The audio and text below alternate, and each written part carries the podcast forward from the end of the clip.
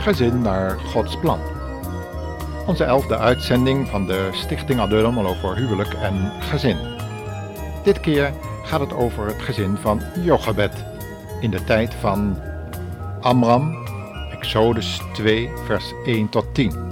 We zouden dit thema kunnen noemen gezinsuitbreiding in crisistijd.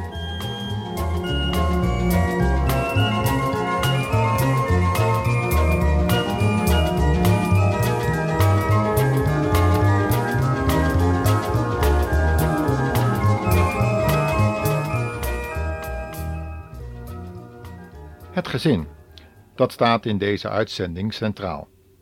Een gezin dat in een crisistijd het hoofd moest boven water houden en waar de overheid bepaald niet kindvriendelijk opgesteld is. Want de overheid bepaalde in die tijd van Jochebed en Amram of het de kinderen mochten blijven leven of niet. We kunnen deze situatie in verschillende landen terugvinden, ook in deze tijd. De overheid bepaalt soms de hoeveelheid kinderen die men mag verwekken. En als de overheid niet bepaalt, dan heb je altijd wel een of andere gezinsinstelling die sterk adviseert om niet meer dan twee kinderen te hebben. Ja, eigenlijk zou je zo'n uh, instelling ook kunnen verwachten in de tijd van Amram, de geschiedenis die we in Exodus 2 over het volk Israël kunnen lezen.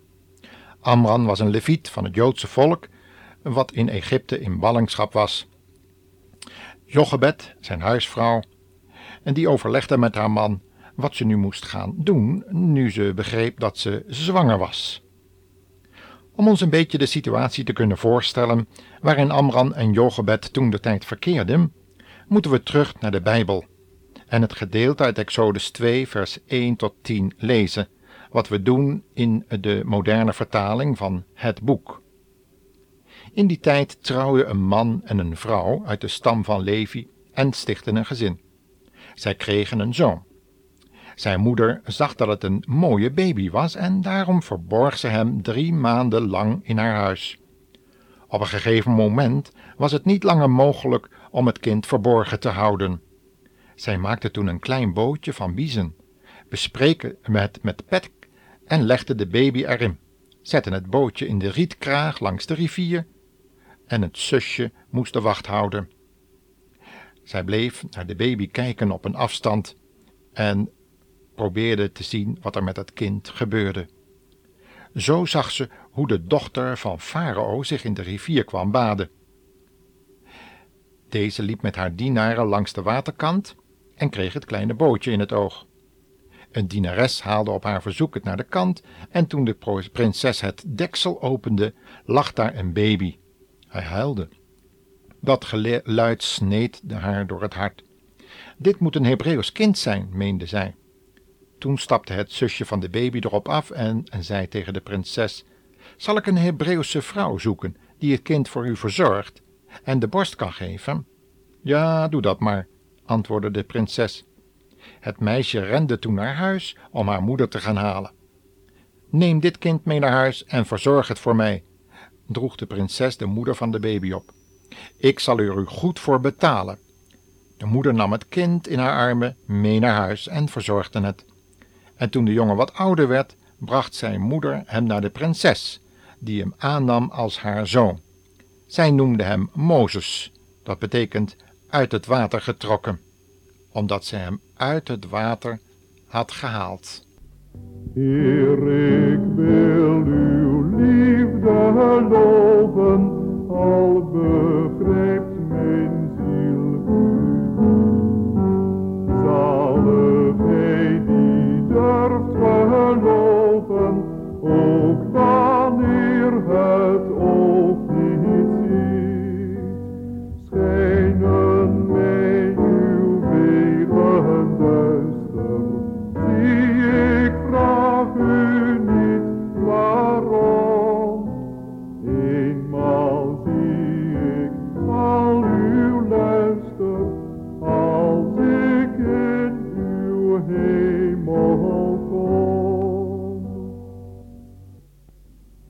tijd bemerken we veel gebroken gezinnen.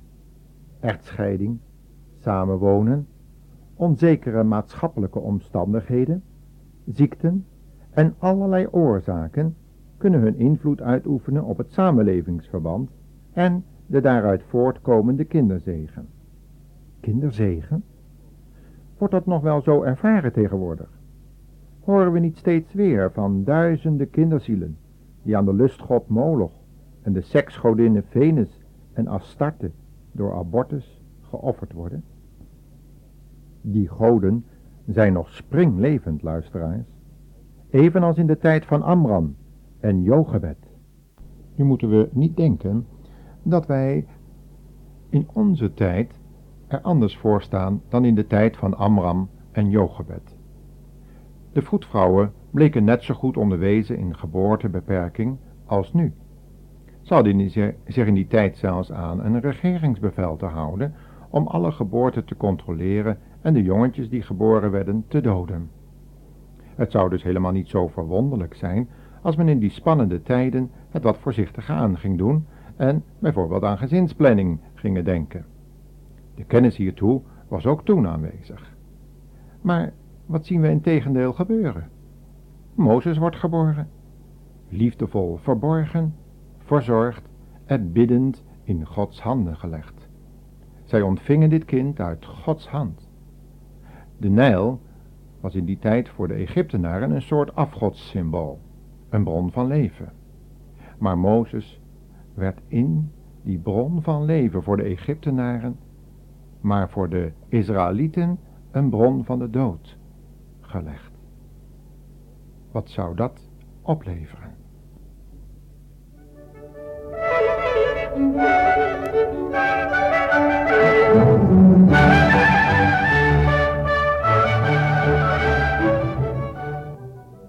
het geloof in Gods liefde werden de ouders van Mozes gedrongen hun zoontje op de plaats te brengen waar alleen de dood heerste.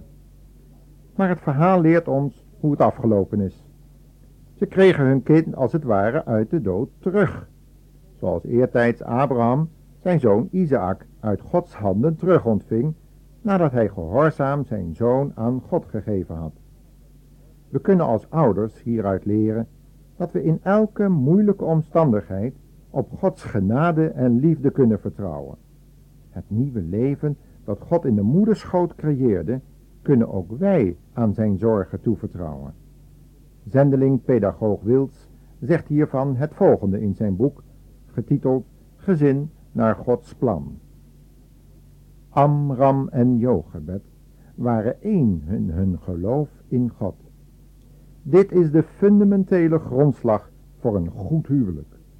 Het waren biddende mensen, die zich bij hun besluitvorming door God en zijn woord lieten leiden.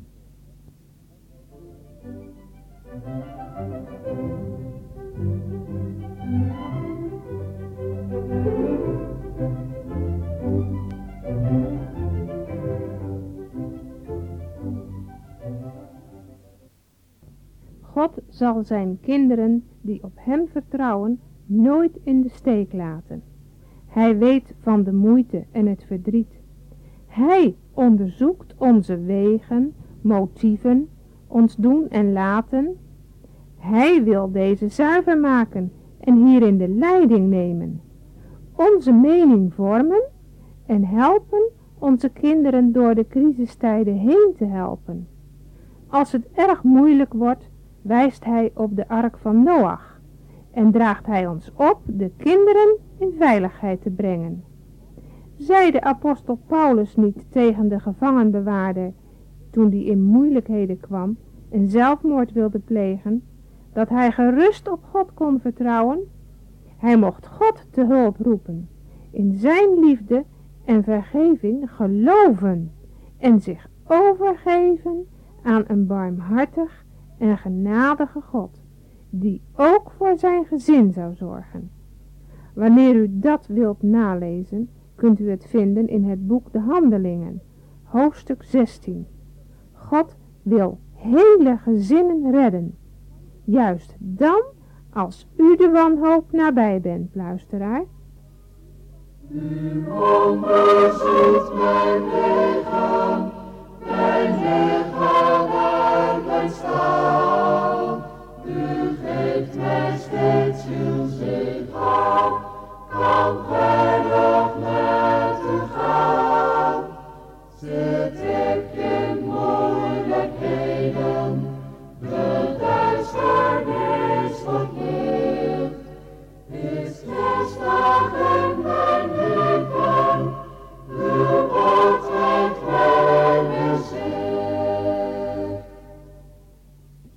Is nog iets te leren van het gezin wat we nu voor ogen hebben.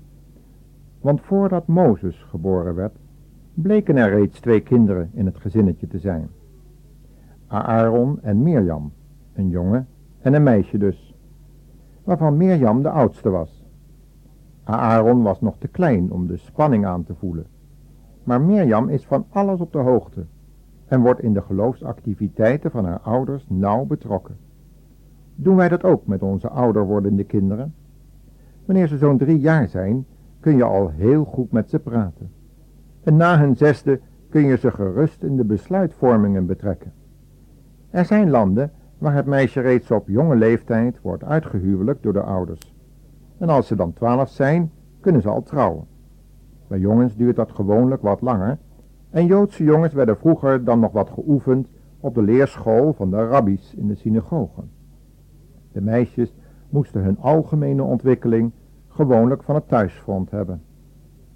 De opvoeding thuis is dan ook de basis van karaktervorming voor het kind en mag beslist niet bij het onderwijzend personeel van de school liggen. Die zijn slechts een verlengstuk van de taak die ouders hebben. Het resultaat van de opvoeding in Mirjams geestelijke ontwikkeling in die dagen bleek al spoedig. Ze krijgt de geweldige opdracht om haar broertje, die veilig in die kleine ark lag, voorzichtig in de Nijl te leggen. Ze wist haar broertje veilig in Gods hand. God wist van de nood in het gezinnetje en ze vertrouwde als jong meisje op de God van haar ouders en haar volksgenoten en dat geloof werd niet beschaamd.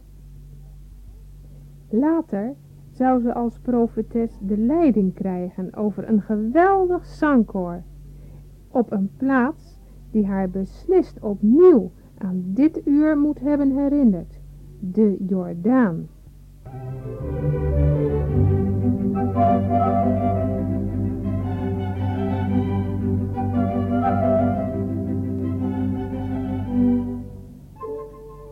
Zo wil God zijn hand leggen op iedere luisteraar die zijn of haar leven aan God toevertrouwt. De Heer Jezus is voor verloren mensen naar het kruis gegaan om voor hen te sterven als het lam van God. Hij opende de weg naar Gods heerlijkheid, het beloofde land, het vaderhuis in de hemel. Zijn dood was ons het leven. Maar ook de luisteraar moet dan in geloof erkennen dat er geen ontkomen aan is door middel van eigen inspanningen, hoe vroom bedoeld ook, maar alleen door te erkennen dat wij machteloos zijn en hulp van God nodig hebben. Daar spreekt dat biezenkistje van Jogebed van en de ark van Noach. Christus Jezus is ook zo'n reddingsark. Alleen in hem zijn we voor tijd en eeuwigheid geborgen. Tenminste, wanneer we net als Amram, Jogebed en Mirjam vertrouwen op het reddende werk van God in Jezus Christus. Er is geen andere weg ten leven en geen andere naam gegeven onder de hemel door welke wij kunnen zalig worden. Mijn vader, dank u wel dat u steeds bij mij mijn gedachten en verlangens kent, Dat is zo snel en rustig en begrijpend veld. Mijn vaderland.